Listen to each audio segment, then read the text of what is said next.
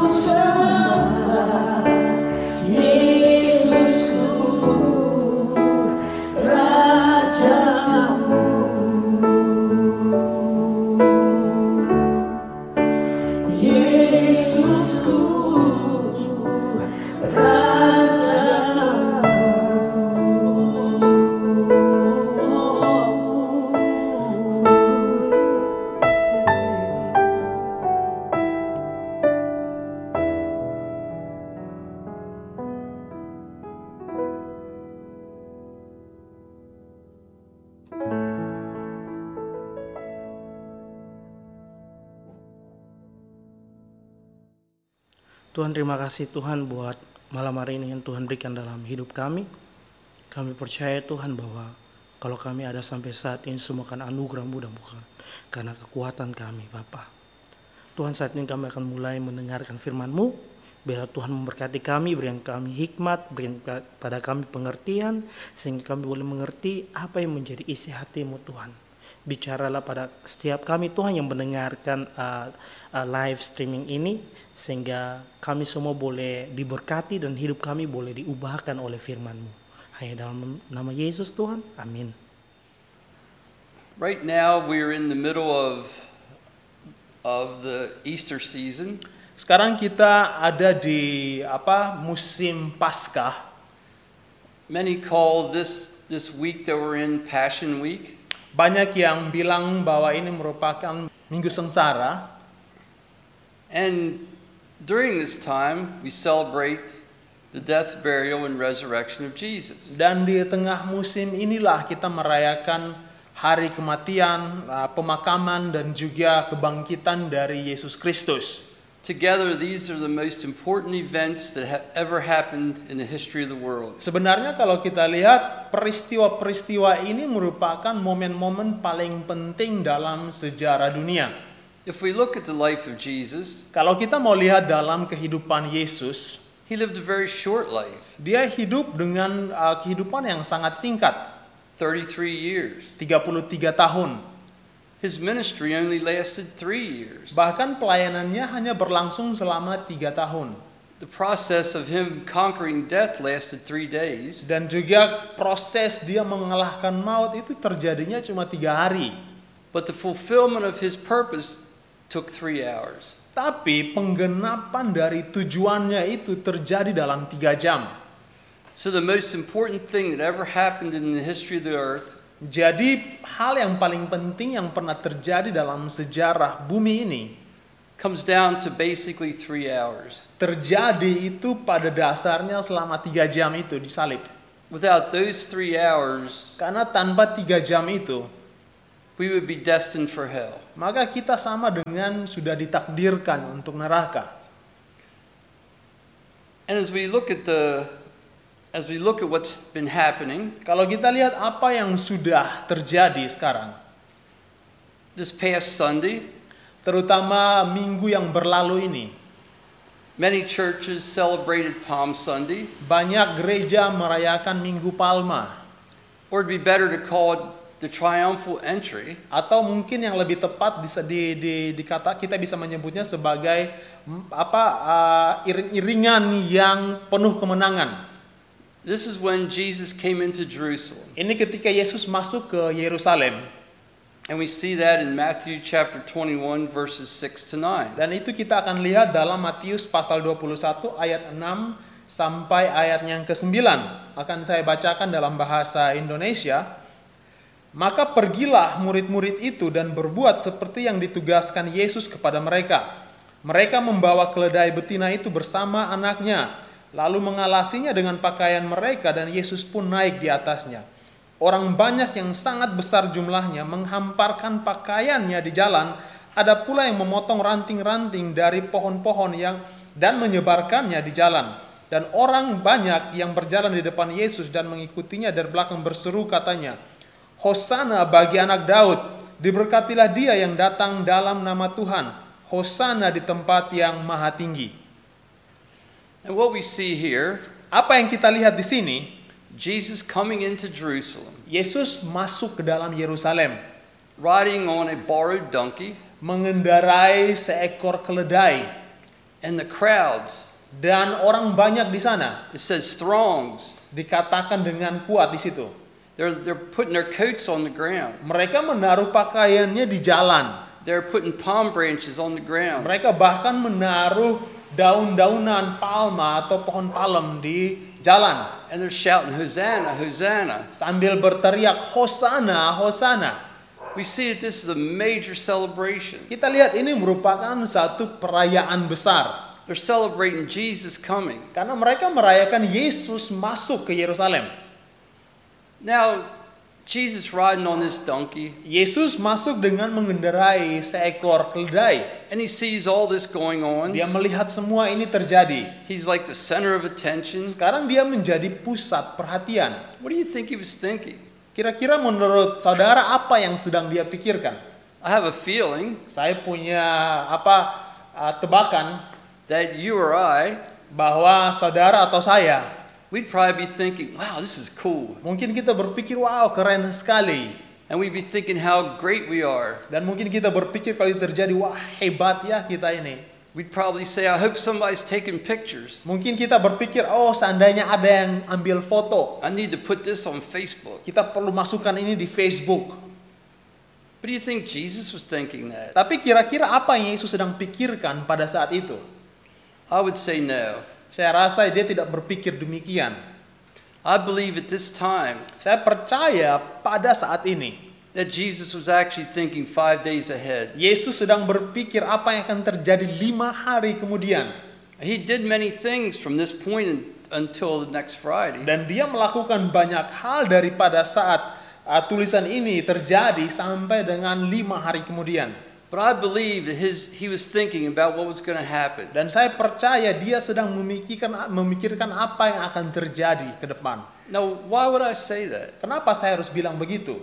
With all the celebrating going on. Dengan semua perayaan yang sedang terjadi ini, Well, let's see what happened five days later. mari kita lihat apa yang terjadi lima hari kemudian.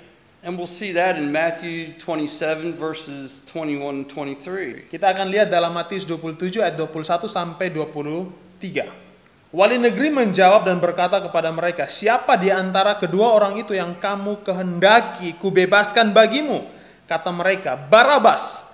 Kata Pilatus kepada mereka, "Jika begitu, apa yang harus kuperbuat dengan Yesus yang disebut Kristus?" Mereka semua berseru, "Ia harus disalibkan."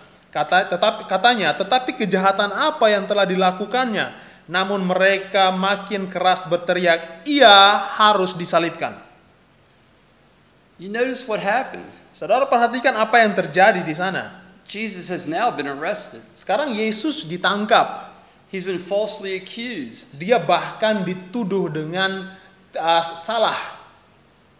And now he's before Pilate. Dan sekarang dia ada di depan Pilatus. And according to their custom, Dan menurut uh, aturan mereka, adat istiadat mereka, they had the option of letting Jesus go or letting a- another prisoner go. mereka punya pilihan untuk melepaskan Yesus atau tahanan lainnya.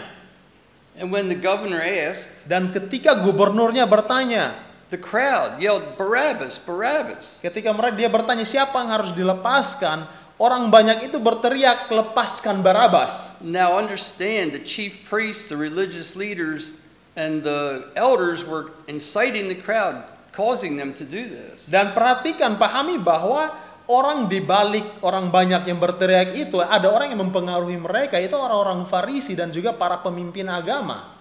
And then said, okay, so I give you Barabbas. What are we going to do with this Jesus? Lalu Pilatus bilang begini, oke kalau begitu saya lepaskan Barabas, tapi apa yang harus kita lakukan dengan Yesus yang disebut Kristus ini? And they said, let him be crucified. Dan mereka bilang dengan lantang, salibkan dia. And the governor said, why? Tapi gubernur bilang, kenapa? What evil has he done? Apa yang dia sudah lakukan sampai harus disalibkan? And it says, but they cried out all the more, saying, let him be crucified. Tapi mereka justru membalas pertanyaan itu dengan teriakan dengan lebih keras dengan berkata, salibkan dia. You see, Jesus went from being dearly loved to deeply despised. Bayangkan Yesus yang tadinya benar-benar dikasihi menjadi seseorang yang dibenci dan begitu terhina. in five short days. Yang itu terjadi hanya dalam waktu lima hari. You see, that was an amazing thing. Ini hal yang sangat luar biasa. Now, do you think Jesus was surprised about this? Menurut saudara, apakah Yesus kaget dengan apa yang terjadi ini? No. Tidak.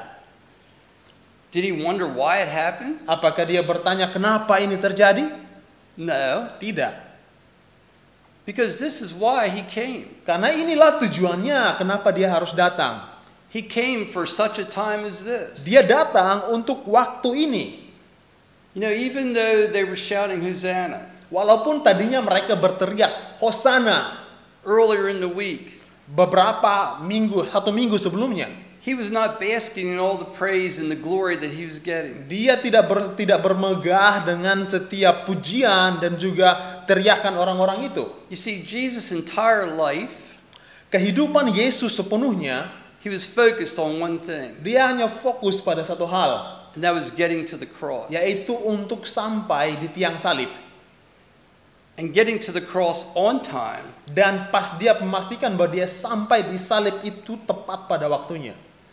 You see, Jesus wasn't here just to do miracles Jadi Yesus tidak datang ke dunia hanya sekedar untuk melakukan mujizat or just to train the disciples. atau hanya sekedar untuk melatih para murid. He was here to die on the cross, Dia ada di sini untuk mati di kayu salib, to be our perfect sacrifice, untuk menjadi korban yang sempurna bagi kita, to take our sin. untuk mengambil dosa-dosa kita. And Jesus knew this. Dan Yesus tahu hal ini He had that focus. bahwa dia harus punya fokus ini. If we look at John chapter 3 verse 16, Kalau kita lihat dalam Yohanes 3 ayat yang ke-16, you see it says for God so loved the world that he gave his only begotten son that whoever believes in him should not perish but have everlasting life. Dikatakan karena begitu besar kasih Allah akan dunia ini sehingga ia telah mengaruniakan anaknya yang tunggal supaya barang siapa yang percaya kepadanya tidak binasa melainkan beroleh hidup yang kekal. You see this was Jesus talking Ini Yesus yang berkata, and he was sharing that God gave. Dikatakan Allah sendiri mengaruniakan. God gave his only begotten son. Ia mengaruniakan atau memberikan anaknya yang tunggal. He said because he loved the world. Dan alasannya adalah karena dia mengasihi dunia ini.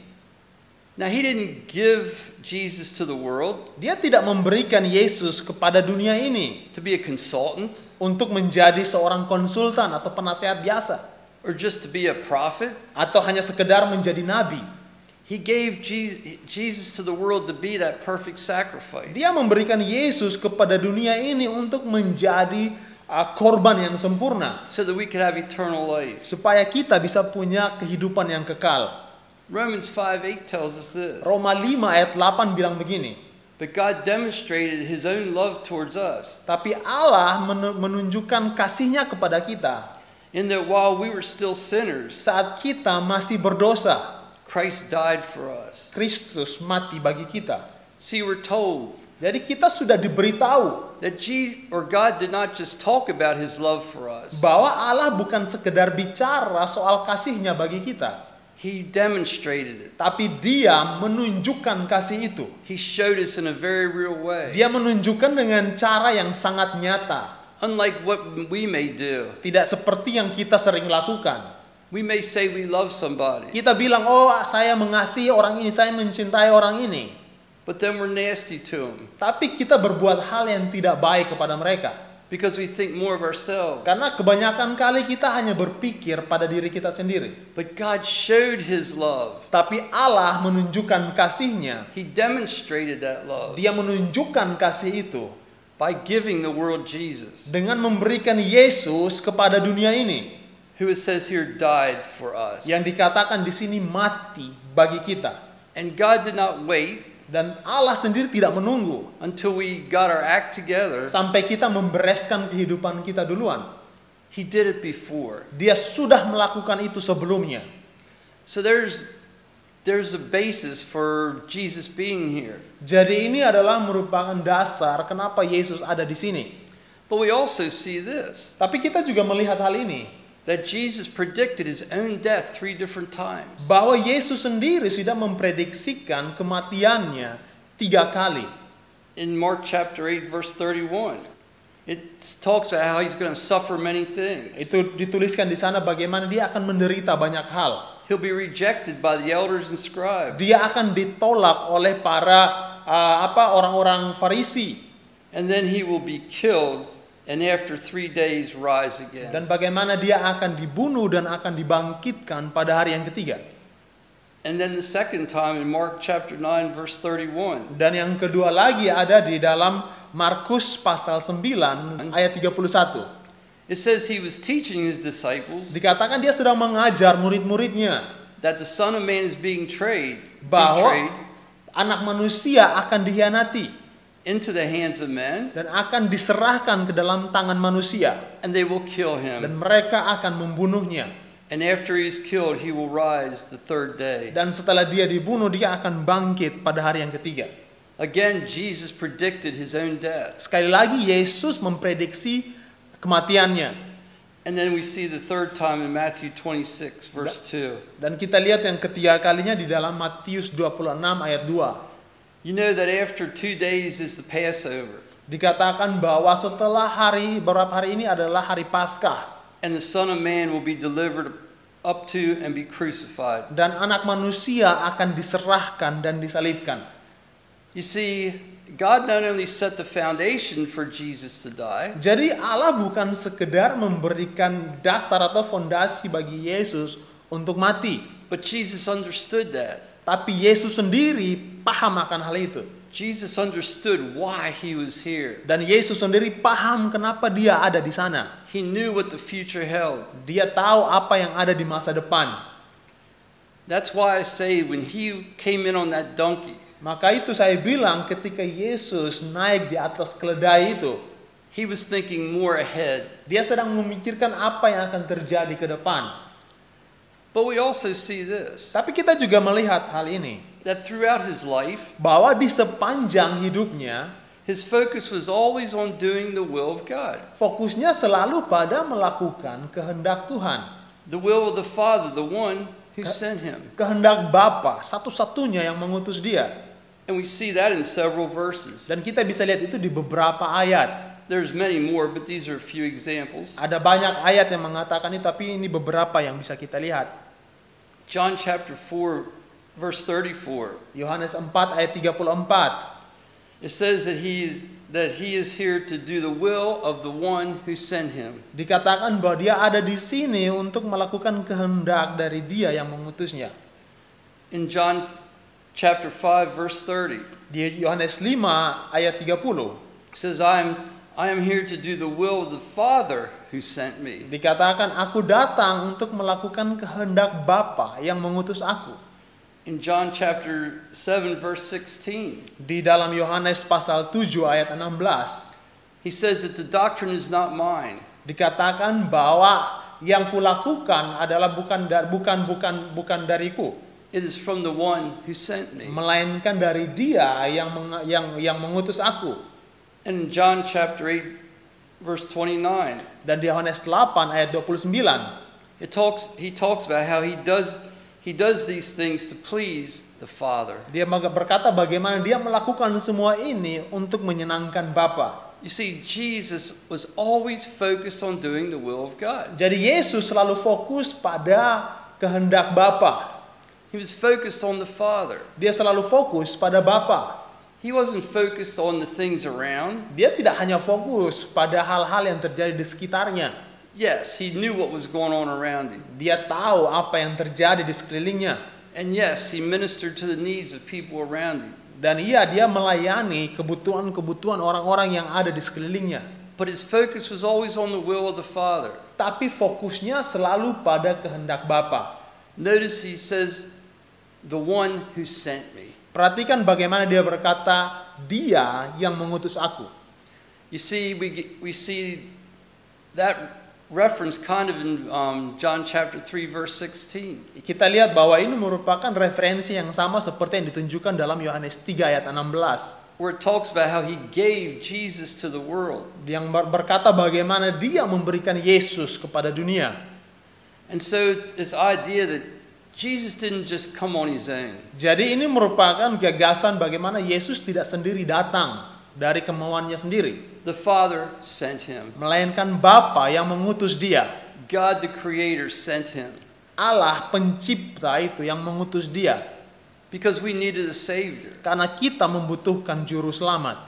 The, the sacrifices in the Old Testament, Korban-korban yang dilakukan dalam perjanjian lama the ones under the law, dan juga semua yang ada di bawah perjanjian uh, di bawah hukum Taurat were only temporary. sifatnya sementara. They didn't solve the problem. Semua itu tidak menyelesaikan masalah. There needed to be a human savior. Harus ada juru selamat manusia, And not just any human, bukan manusia biasa. it had to be one that lived perfectly, Melainkan harus satu orang manusia yang hidup sempurna. never had an improper thought. Tidak pernah punya apa pikiran yang lain. And that was Jesus, Dan itu adalah Yesus. the only man that was ever qualified for that job. Satu-satunya manusia yang qualified untuk tugas ini. In Matthew um, 20, 28, Di dalam Matius 20 ayat 28, this is Jesus talking. Yesus bilang di sini, Just as the Son of Man did not come to be served, sebagaimana anak manusia bukan datang untuk dilayani, but to serve, tetapi untuk melayani and to give his life a ransom for many. dan menyerahkan dirinya sebagai tebusan bagi banyak orang. You see, Jesus knew why he was here. Yesus tahu kenapa dia ada di sini. He didn't come here to be served. Dia tidak datang di sini untuk dilayani. He didn't come here for people to look after him and take care of him. Dia tidak datang di sini supaya orang perhatikan dia dan me- mengurusi dia. He didn't come here to, to be king. Dia tidak datang di sini pada waktu itu untuk menjadi raja. He came as a servant. Dia datang sebagai hamba. All through his life, Sepanjang hidupnya, he served people. dia melayani manusia. He served people by feeding them, healing them, ministering to them. Dia melayani mereka dengan cara menyembuhkan mereka dan juga melayani mereka. And his ultimate act of service Dan juga pada akhirnya pelayanannya yang paling akhir was to die on the cross for us. adalah mati di kayu salib bagi kita. He proved that he was a servant. Dan dia menunjukkan, membuktikan bahwa dia adalah seorang hamba. And in Matthew chapter 26, 53 to 54, Di dalam Matius pasal 26, 26 ayat uh, 53 sampai 54. this is when Jesus was being arrested. Ini bercerita tentang pada saat Yesus ditangkap And Peter whacked the ear off of the soldier. dan Petrus waktu itu me- apa memotong telinga dari prajurit itu. And Jesus put it back on and said, Put the sword away. Dan Yesus datang dan bilang, "Sarungkan pedangmu." And then he says, Do you think that I cannot now pray and my Father will send will provide me more than 12 legions of angels? Dan Yesus bilang begini, apa apakah pikirmu aku tidak bisa meminta kepada Bapa dan dia akan memi- mem- mem- mengirimkan pasukan-pasukan malaikat?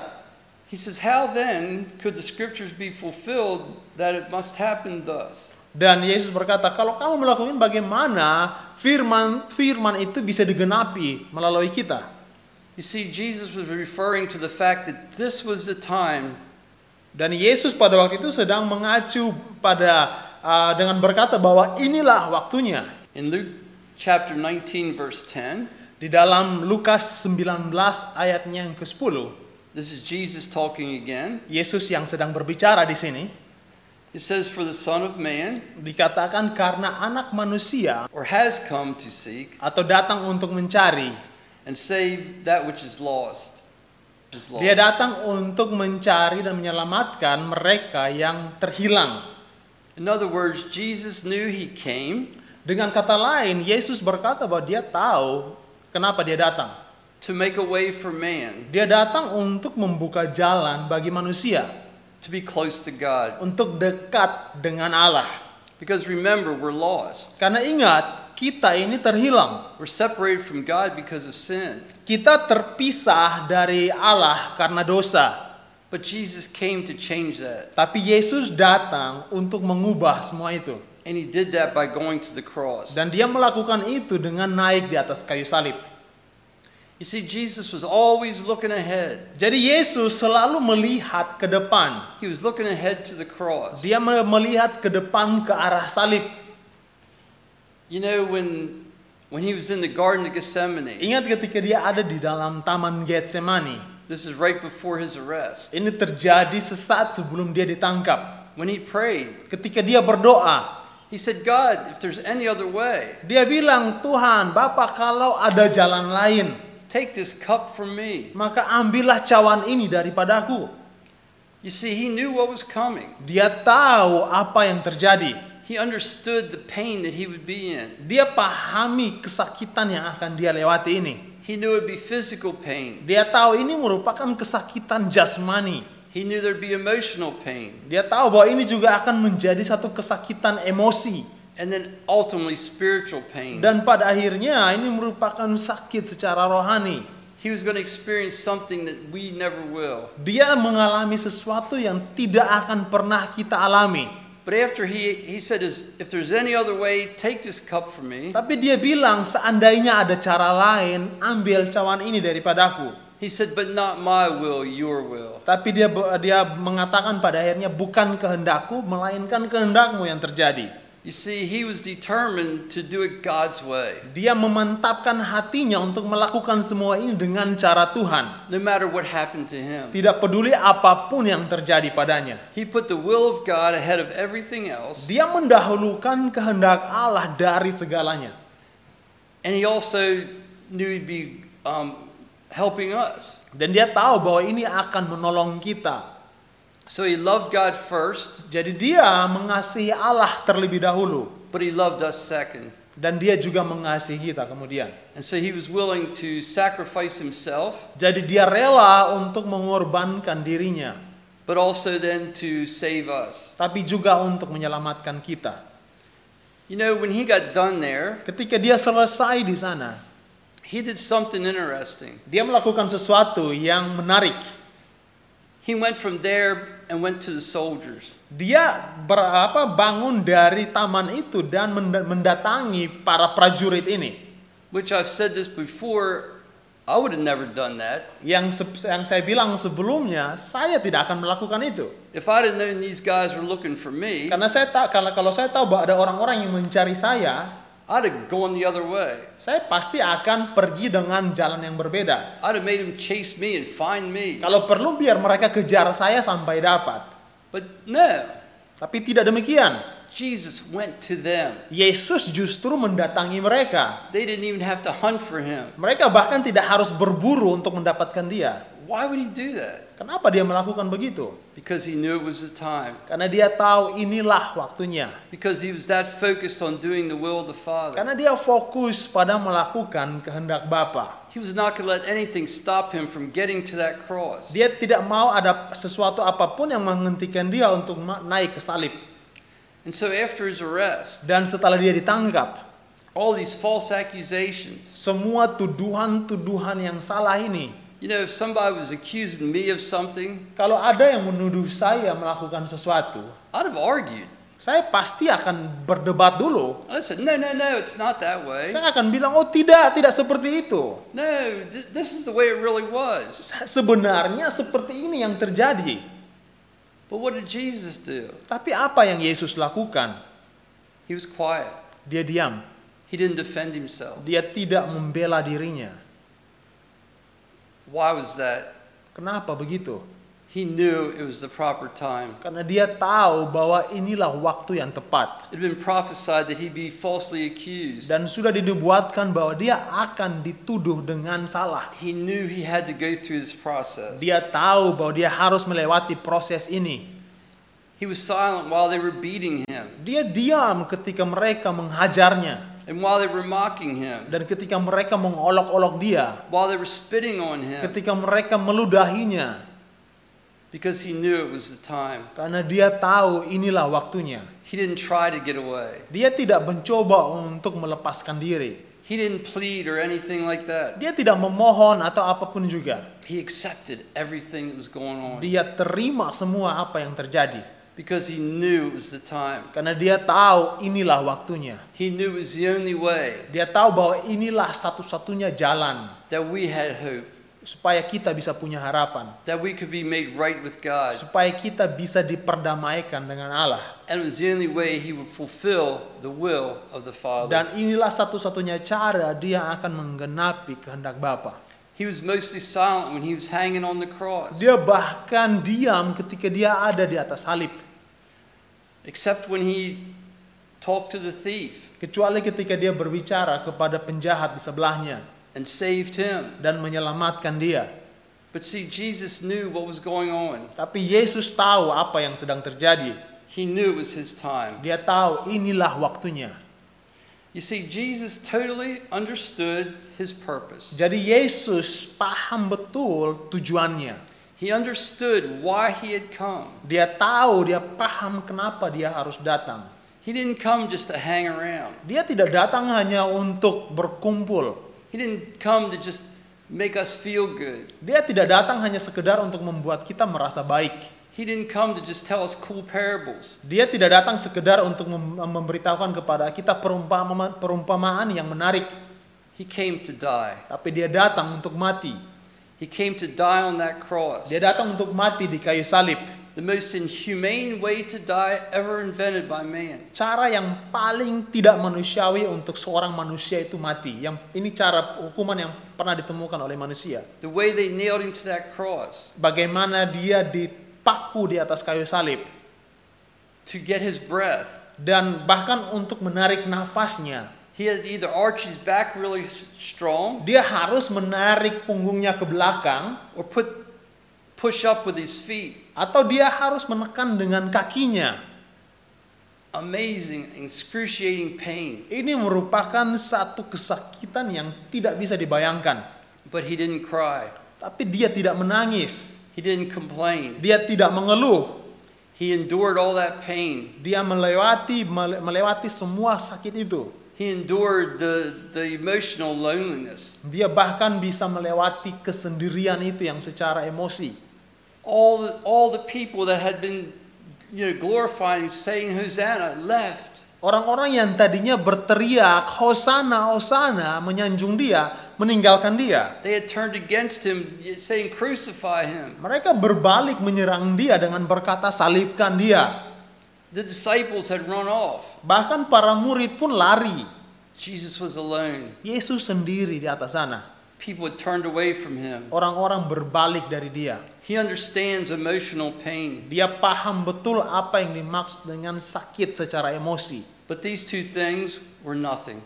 Tapi bagi dia tidak ada tidak ada apa-apanya. Nothing compared to the spiritual pain that he was about to endure. Semua ini tidak ada apa-apanya dibandingkan dengan kesakitan rohani yang harus dia alami. Because there came a moment, Karena datang waktunya pada the waktu itu. exact time Waktunya tepat that had been planned before time began, yang sudah direncanakan sebelum waktu dimulai. that Jesus took all our sins. Bahwa Yesus mengambil dosa-dosa kita. He took all the sins of the people before him. Dia mengambil dosa-dosa bahkan dari orang-orang sebelum dia. He took all the sins of the people after him. Bahkan orang-orang yang akan lahir setelah dia.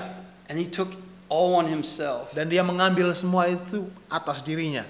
And it was at that moment Dan pada saat itu, that the Father that he'd been serving all these years, da- pada saat itulah Bapa yang dia layani selama hidupnya. the one that he'd been following, Satu-satunya yang selalu dia ikuti. turned away from him. Juga berpaling dari dia. It was at that moment Pada saat itulah that Jesus cried out, di mana Yesus ber- berseru, My God, my God, why have you forsaken me? Allahku, Allahku, mengapa engkau meninggalkan aku? That pain Sakit itu, of separation from the Father sakit di mana terpisahnya dia dengan Bapa, caused him to cry out membuat dia berteriak when he'd been quiet ketika selama ini dia diam through all the rest of it. dari segala kesakitan yang dia lewati. Jesus did that for you and me. Dia, Yesus melakukan itu untuk saudara dan saya. He endured what we will never have to endure. Dia lewati apa yang tidak akan pernah kita lewati. It's true, many people were, were crucified. Memang benar banyak orang yang pernah disalibkan di sepanjang sejarah. Many people die horrible deaths today, Banyak orang yang mati dengan cara yang mengerikan hari ini. but no one, Tapi tidak satu pun, not one of us, bahkan tidak satu dari kita, will ever have God turn away from us. tidak akan pernah mengalami di mana Allah berpaling dari kita. He promises, I will never leave you or forsake you. Karena dia berjanji bahwa aku tidak akan pernah melupakan engkau dan meninggalkan engkau. You see, Jesus endured something Yesus melewati sesuatu that we will never endure. yang kita tidak akan pernah lewati. And he did that because he loved us. Dan dia lakukan itu karena dia mengasihi kita. But even more than that, Tapi bahkan lebih dari itu, he did it because he loved the Father. dia melakukan itu karena dia mengasihi Bapa. He was determined to do the will of the Father. Dia mantapkan hati untuk melakukan kehendak Bapa. He understood his true purpose, Dia paham betul tujuan hidupnya and it was to get to the cross. bahwa dia harus datang ke kayu salib. And after he died, Dan setelah dia mati, three days later, tiga hari kemudian he rose from the dead. dia bangkit dari kematian.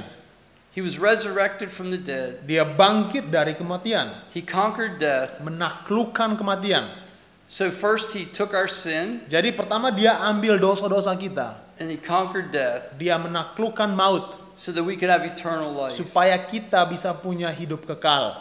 That's why Jesus was here. Dan untuk itulah Yesus datang.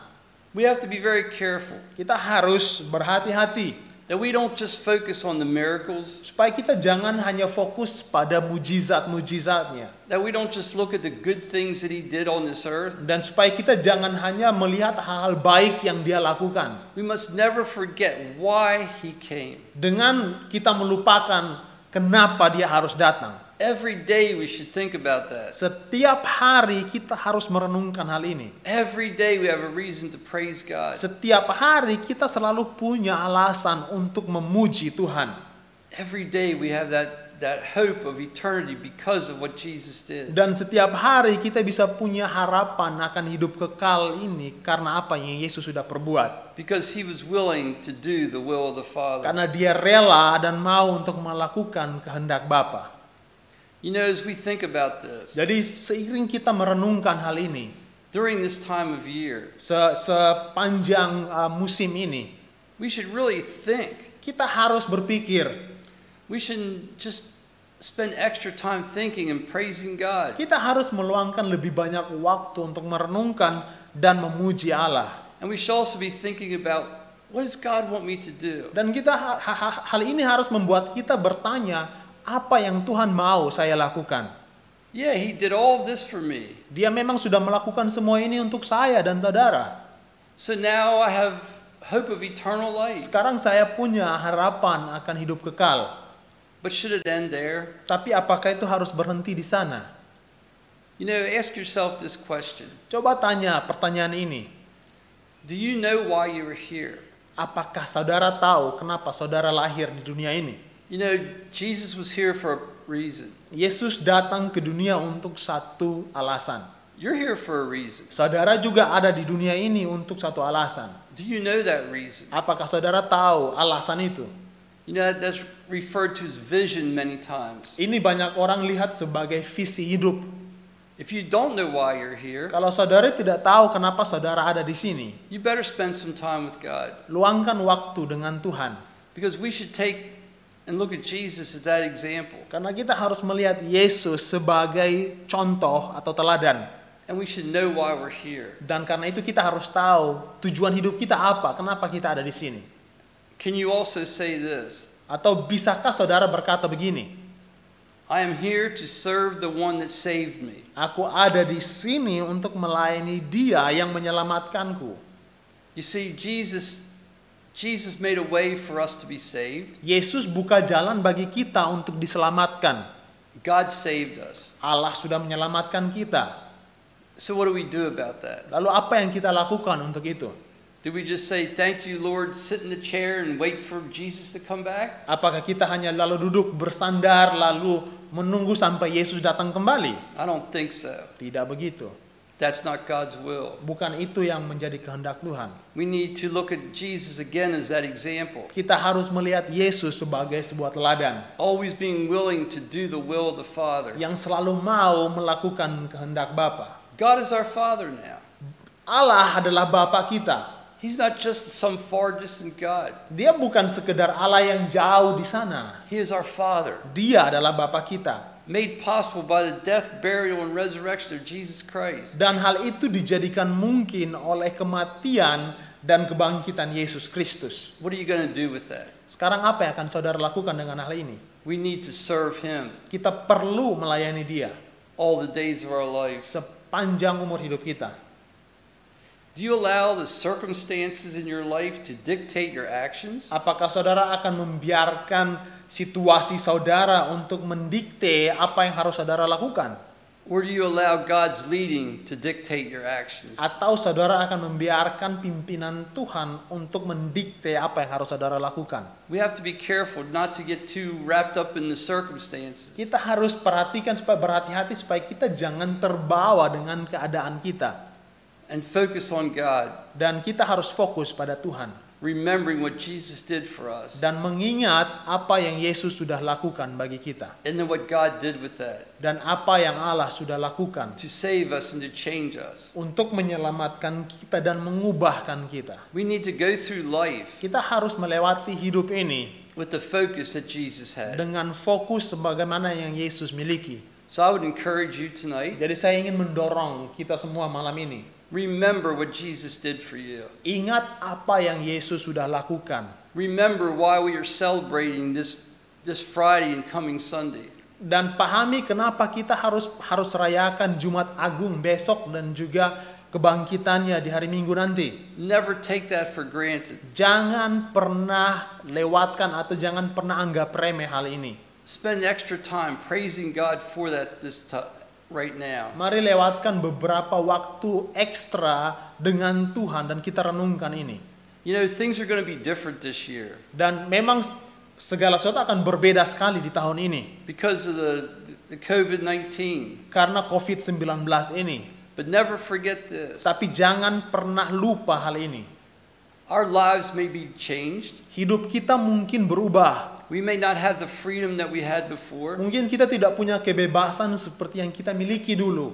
but God has not changed. Tapi ingat Tuhan kita tidak pernah berubah. He's exactly the same God. Dia adalah Allah yang sama. He deserves the same worship from us. Dia layak untuk terima penyembahan yang sama dari kita. He deserves the same love from us. Dia layak untuk terima kasih yang sama dari kita. Maybe it'll look a little different, Mungkin sekarang kelihatannya berbeda, but we owe that to Him. tapi kita tetap berhutang pada Dia. And I would encourage you never to forget that. Dan saya ingin mendorong kita semua untuk tidak pernah lupakan ini. Allow Him to speak to you. Izinkan Tuhan berbicara kepada saudara.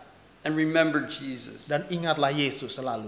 Remember what Jesus did for you. Ingatlah apa yang Yesus sudah lakukan bagimu.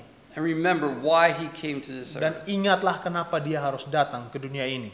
Let us pray. Mari kita berdoa. Dear Lord and Heavenly Father, Bapa dan Tuhan kami yang di surga. we thank you, we praise you Kami bersyukur Tuhan dan kami memuji Engkau. For sending your Son Jesus Christ, Karena Engkau telah mengutus anakmu Yesus Kristus. for sending Him to die for us. Engkau mengutusnya untuk mati bagi kami. We thank you, Jesus, Kami bersyukur Yesus. for your love for the Father Karena kasihmu bagi Bapa. that drove you day after day Yang membawa engkau, menggerakkan engkau setiap hari. to serve Him, Untuk melayani dia. to do His exact will. Untuk melakukan kehendaknya. We thank you Kami bersyukur for being willing to go to that cross karena engkau mau naik ke kayu salib itu. at that exact appointed time Pada waktu yang telah ditentukan. and to suffer for us, Dan menderita bagi kami. to make a way Untuk membuka jalan. for us to have communion with, the, with God. Supaya kami bisa punya persekutuan dengan Bapa. We thank you also Kami juga bersyukur that the grave could not hold you bahwa karena karena sa- eh, kuburan tidak bisa menghalangi engkau and that on the third day dan bahwa pada hari yang ketiga you walked out of that tomb engkau keluar dari kubur itu and death lost. dan kematian maut dikalahkan. We thank you for these events Kami bersyukur untuk peristiwa ini that have that are never been duplicated in this world dan tidak akan pernah diduplikasi lagi di dunia ini. That changed the course of history Hal ini peristiwa ini telah mengubahkan sejarah dunia in a way that nothing else ever did. dengan suatu cara yang tidak pernah terjadi sebelumnya. We ask you tonight, Lord, Kami minta malam ini Tuhan to forgive us untuk mengampuni kami for taking these things for granted, karena kami sering kali meremehkannya. for not appreciating the way that we should, Kami tidak menghargainya sebagaimana harus. and help us to change. Tolong kami untuk berubah. Help us to, to learn our purpose. Tolong kami untuk bisa mengetahui tujuan hidup kami. Help us to be focused on serving you. Tolong kami untuk fokus pada melayani Engkau. Lord, help us to not allow the circumstances to dictate our, our where we go. Tolong kami agar kami tidak membiarkan kehidupan atau keadaan kami mendikte kami, but you're leading only. tapi biarkan kami hanya mengikuti pimpinanmu. In Jesus' name we pray. Dalam nama Yesus kami berdoa. Amen. Amin. Oke, terima kasih teman-teman yang sudah menyaksikan live streaming hari ini. Uh, kita masih mengikuti anjuran pemerintah, jadi kita masih tetap stay at home dan teman-teman uh, masih tetap bisa untuk melihat live streaming ini minggu depan dan bagi teman-teman yang tidak sempat melihat live stream hari ini bisa melihat di uh, akun YouTube kita dan juga ada di uh, akun Facebook kita di Trinity Center atau bisa bisa lihat uh, cuplikannya ada di akun Instagram kita di @trinityindonesia.id. Dan sebagai pesan penutup, stay at home, jangan ke mana jangan ke mana-mana, jauhi keramaian, jaga imun dan jaga iman. Sampai ketemu minggu depan. Tuhan Yesus memberkati.